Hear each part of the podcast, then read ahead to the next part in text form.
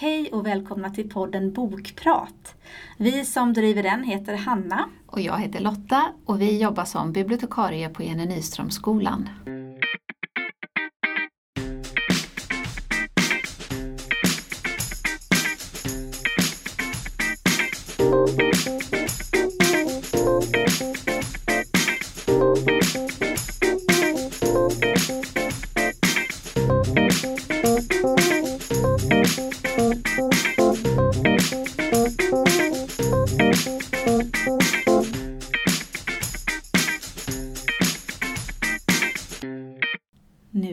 Sommarlov.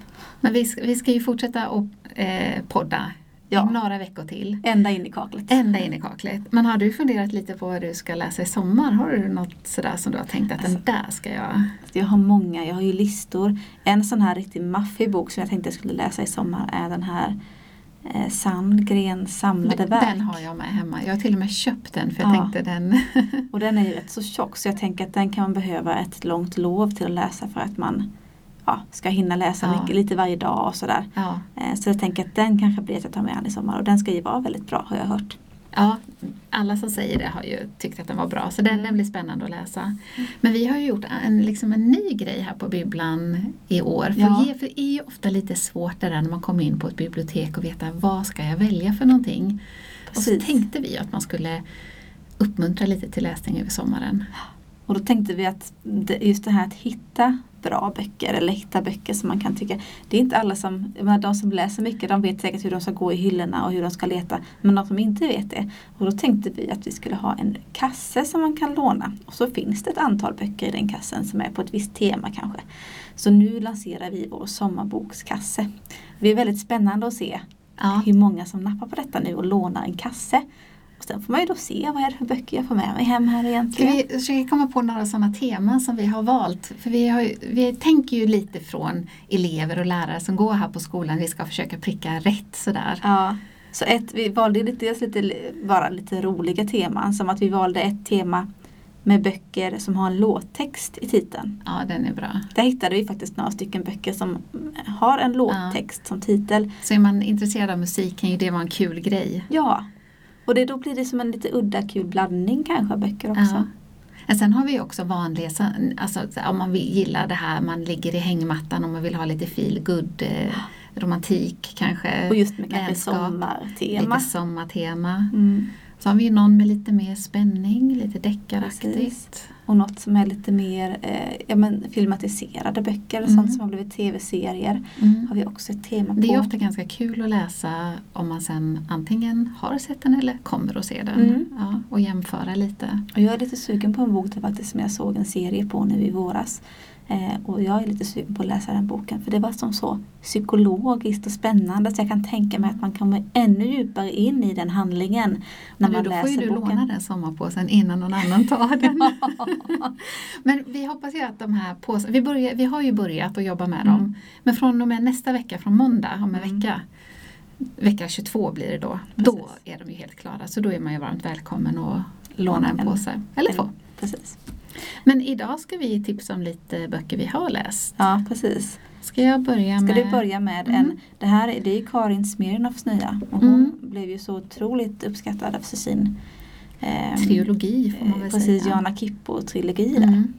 Jo, för hon skrev ju tre stycken böcker. Jag får ner till bror och jag får upp till mor och sen får jag hem. Ja, så tror jag de precis. heter i den ordningen. Eh, och de har ju många... Alltså, jag, har du läst dem? Mm. Ja, ja, jag har också läst dem och de var ju väldigt bra. De var ju väldigt eh, speciella att läsa för hon har ju som ett eget språk kan man ju säga. Mm. Eh, Där hon använder skiljetecken på ett sätt som man kanske inte är van vid. Eh, Stavning kunde ju också skilja sig lite, stora och små bokstäver. Eh, Så jag, i början tog det ju ett tag kanske att komma in i men det var ju en väldigt spännande handling ändå. Man fastnade ju väldigt mycket för den huvudpersonen. Den här boken är inte alls på, det, det var ju liksom ett Norrlandstema också i den boken. Det här, den här boken heter Sockerormen. Och den är skriven eh, den, den handlar om 1980-talet i Södertälje. Och den är nästan svår att, att berätta om för det, den, det, det är så mycket i den som gör att man den, den kan vara lite rolig men det är verkligen inte det som det finns en viss humor i den. men, men det är samma de här med den här eh, Kippo-trilogin att det är, den är hemsk. Alltså det, det är väldigt många människor, öden och onda människor. Och, så att den på det sättet är lite besvärlig att läsa. Så det kanske inte är en bok som man skulle rekommendera till vem som helst. Dels för att den också har det här lite speciella Smirnoff stilen. Ganska hårdkokt med korta enkla meningar men ändå kan de meningarna, det kan vara en bisats och det kan vara små och stora bokstäver. Och, alltså den har också lite av det här så på det sättet blir det lite svårare. Sen har den också lite olika eh, berättarperspektiv. Men kort kan man säga att den handlar om eh, tre stycken barn och de är underbarn. Det är Agnes, de är nio år.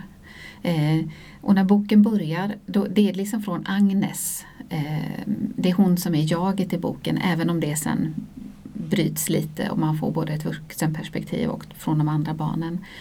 Men Agnes föds in och hon, det är ett väldigt speciellt barn och det är väl det också som gör att den här blir lite svår för det är barn som är som vuxna, de tänker, de är liksom brådmogna eller man ska säga, de tänker och beter sig som vuxna i vissa sammanhang.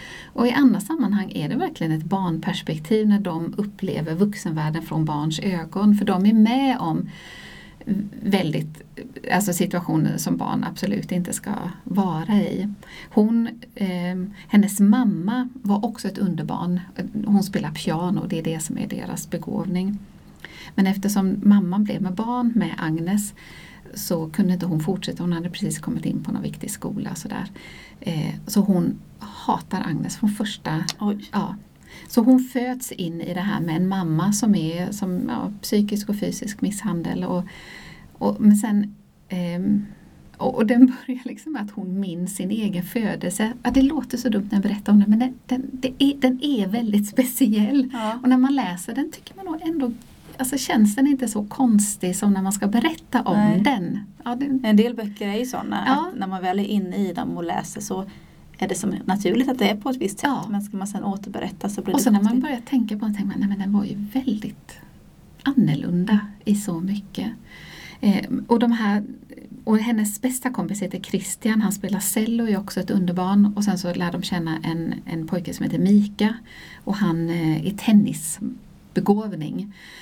Och alla de kommer från hem som inte är funktionella hem. Det är misshandel och det är alkohol och sen är det Agnes då med sin mamma och, och så.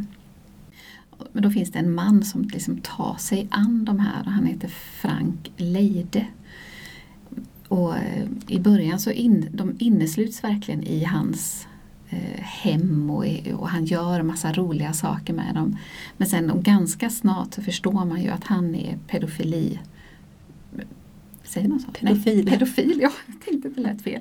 Så att han, eh, men inte Agnes utan mot pojkarna. Och de är ju unga men, men, men sådär sårbara och så vinner de ju också så mycket på det. Så det, den blir så kluven Mm. att läsa.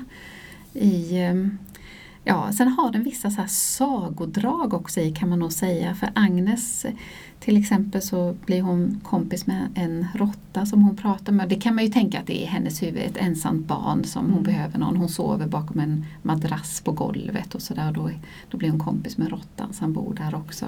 Och hon pratar med elefanten på Skansen. Det låter ju helt tokigt nu när jag säger det. Men just när man läser i sammanhang så tänker man ja men hon behöver någon som liksom förstår hennes inkedjade värld. Ja. Hur den, Och att det är ett barnperspektiv så kan man ju tänka att, att man kan skapa sig låtsasvänner Ja. och tänka sig att man pratar med ett djur. Ja, Och, men det är väldigt vuxet tänk när hon pratar Ja. också.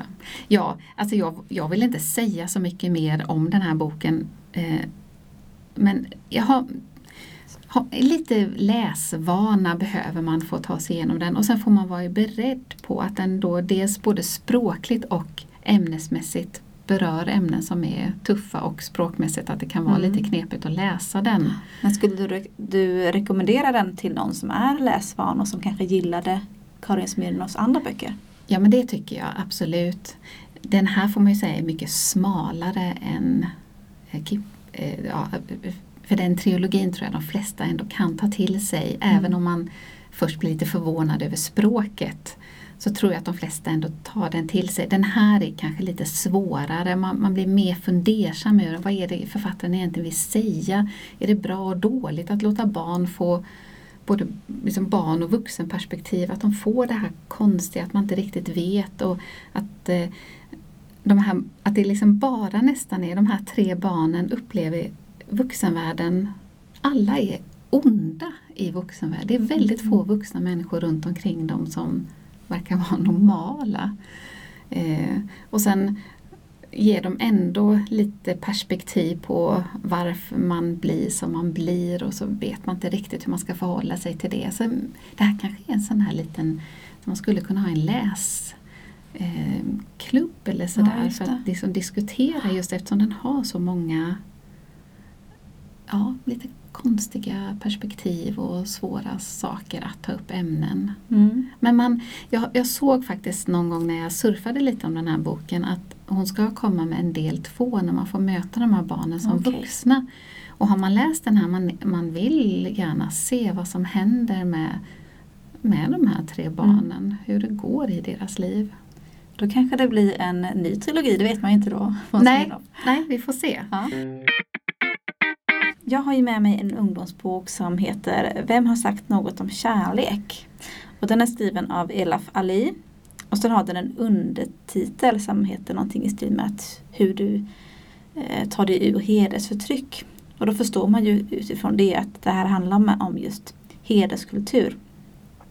Och det är egentligen Elafs egna berättelse kan man väl säga, fast den står som skönlitteratur. Så det är inte en biografi. Men man förstår att det här är ändå självupplevt. Hon har gått tillbaka till och minns hur det var för henne. Och hon är född i Irak men de flyttade till Sverige, eller flydde får man väl ändå säga till Sverige på grund av krig i Irak när hon bara var rätt så liten. Så hon är ju ändå uppvuxen större delen av sin barndom i Sverige. Eh, jag tror att de hamnar någonstans i Skåne. Och eh, den här familjen då som är mamman och pappan och sen är det en storebror och Elaf och sen tror jag hon har två yngre systrar. Ehm, och den, boken börjar ju egentligen när Elaf nog är i högstadieåldern någonting.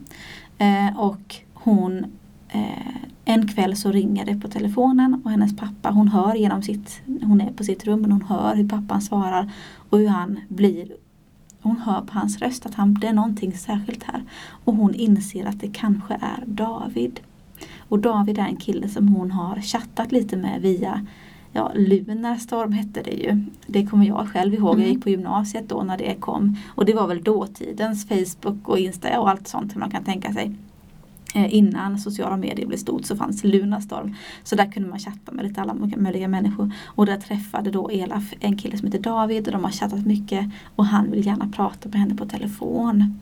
Eh, och han har då tydligen ringt nu och det dröjer inte många minuter eller sekunder innan pappan rusar in i Elafs rum och börjar anklaga henne för att hon har en pojkvän och att hon då är en hora och säger massa otäcka saker och är så uppe i varv, så arg över detta. Hon räddas av sin storebror som säger att nej, nej, nej, men det där var min klasskompis. Jag bad honom ringa till Elaf för en matteuppgift. Eh, sådär. Eh, så att hon lyckas liksom, hon blir räddad av det. Men det är där det börjar och sen blir det egentligen Sen går vi tillbaka i tiden till när hon är yngre. Eh, och hon berättar om sin barndom och hur allting förändrades när hon fick sin första mens. Hur hon började då, ja men det blev helt andra eh, regler för henne att förhålla sig till. Andra vardagsrutiner eh, och eh, kontentan i det är ju då att hon inte får umgås med, prata med eller ens titta på killar.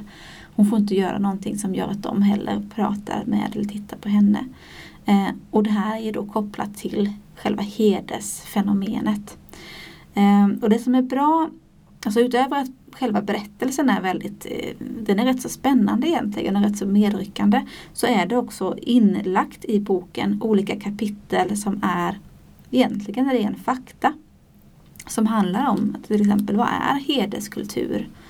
Eh, och sen finns det kanske ett kapitel som går igenom statistik på hur många brott som görs inom heders, alltså brott i hedersförtryckets namn eller vad man ska säga eh, i Sverige. Eh, och i ett, ett kapitel så kanske det går igenom eh, hur heder ser ut i olika religioner eller i olika kulturer och att man liksom förstår att det är inte kopplat till en viss religion utan att det finns. Och jämför till exempel hur det kan se ut i kristendomen kontra andra religioner och sådär. Så att det är rätt så intressanta eh, små ska man säga, ja, kunskapskällor man får i boken. Jag tror att hon är journalist, är det inte så? Precis, och det framgår väldigt tydligt i boken att hon rätt så tidigt vill bli journalist. Men det ses inte som Alltså utbildning är på ena sidan viktigt i familjen, det uppmuntras. Men samtidigt så är det så fort hon har fyllt 18 så finns det en press på att hon ska gifta sig. Och att de ska se ut en lämplig man som hon kan gifta sig med. Och där då som sagt handlar det ju inte om att hon ska träffa någon och bli kär i. Vilket hon säger att det är så jag vill gifta mig. Eh, jag vill träffa någon som jag blir kär i och som jag vill leva med. Eh, men ur hennes föräldrars perspektiv så är det ju just det. Vem har sagt något om kärlek? Det är inte det det handlar om här. Utan giftermål är någonting helt annat. Ehm, så att den är, jag tycker den är väldigt, den är lätt att läsa, den är inte svår att hänga med i. Och bortsett från det här i början så följer hon hela tiden sin ålder eh, så att det går kronologiskt. Och sen är det då de här kapitlen som är lite fakta och de är tydliga och särskilja från resten av berättelsen. Ehm, och jag tyckte att den var väldigt jag tyckte det, man fick mycket bra inblick tyckte jag i hur det åtminstone kan vara att växa upp i en familj som är väldigt präglad av det här med hederskultur. Eh, och hur hon sakta men säkert lyckas ta sig ur det, hur hon lyckas distansera sig och hur hon till exempel använder utbildningsargumentet till att till exempel få plugga ett år till eller få flytta till en annan stad för att läsa en viss utbildning och hur hon sakta men säkert lyckas så att säga släppa eller lossa på föräldrarnas kontroll över henne. Um, så att den är, och just det här att hon har ju haft det så här och ända sedan hon var barn men att för omvärlden har man inte visat detta och det har varit en skam för henne. Att hon har känt skuld över att hon på något vis är kontrollerad och inte får göra vad andra flickor eller unga kvinnor får göra. Är hon ensam syster i familjen? Nej, hon har inga systrar men de syns inte så mycket i boken. Eh, och det framgår inte heller så mycket om hon på något vis är engagerad i att de ska frigöra sig på samma sätt. Eh, det berättar hon inte om men man kan väl tänka sig att det ändå borde finnas något sånt. Men i alla fall boken slutar ju när hon är vuxen eh, och hon har lyckats utbilda sig så att den får ju ändå ett bra slut. Och det som jag också tycker är extra bra i boken det är att utöver de här faktakapitlen så har hon också med intervjuer med sina föräldrar. Så då intervjuar hon till exempel sin pappa idag eh, och hur han ser på det här och att han faktiskt har gjort en väldigt stor, lång resa kanske man ska säga. Eh, från det att han flydde från Irak och de eh, värden och eh, så som han hade med sig därifrån eh, till att ha ändrat sin syn på saker. Och hur han kan inse nu att eh, ja, det är ju galet att tänka så egentligen. Um, så att det är väldigt intressant att hon får med sina föräldrar tycker jag i berättelsen. Uh, och, um, ja, så jag tycker att just för att få en inblick i hur det kan vara att, att leva i en sån familj så tycker jag att den här boken är jätte, jättebra. Um, sen uh, så tycker jag kanske inte att den är den bästa ungdomsboken jag har läst om man säger så. Men jag tänker att syftet med den är ändå någonstans att man ska kunna leva sig in i och få bättre förståelse för någonting. Och det är ju ändå skönlitteratur väldigt bra på att förmedla. Mm. Att man lyckas leva sig in i och, och, förstå. Men så här kan det vara för någon. Eh, och det lyckas den med tycker jag.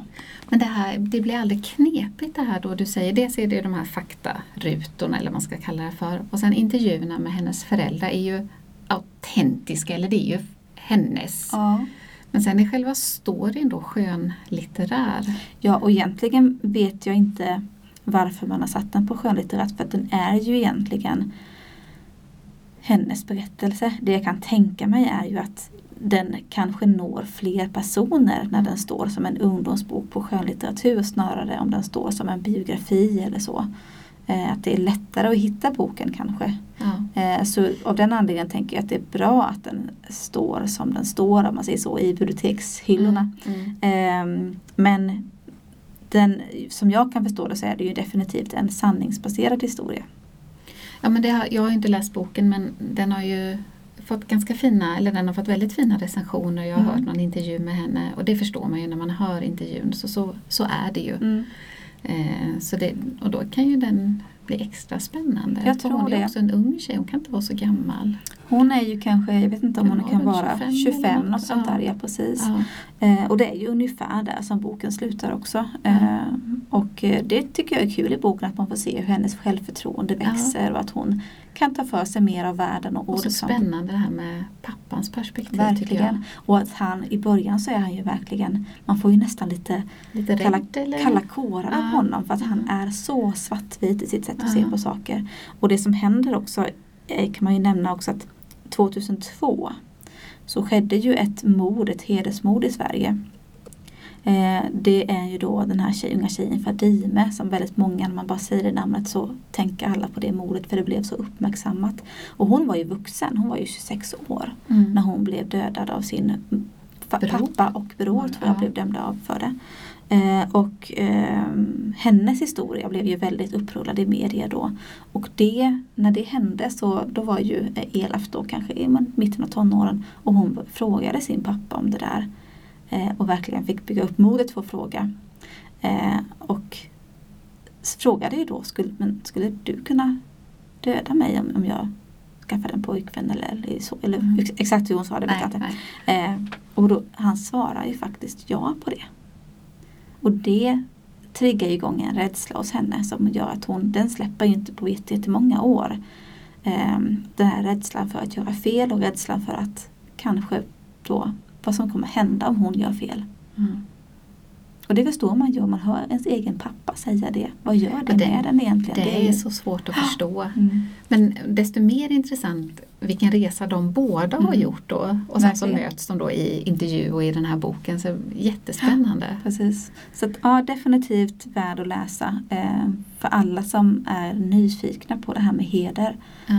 Eh, så ger den jättemycket bra inblick och jag tyckte jag blev mycket klokare av den. Ja. Ja, den ser jag fram emot. Det kanske får bli min sommarläsning Mm. om ingen annan hinner ta Precis. den. Men vi kommer tillbaka med mer sommarläsningstips nästa vecka. Det gör vi ju såklart. Mm. Ha det bra så länge. Hej hej!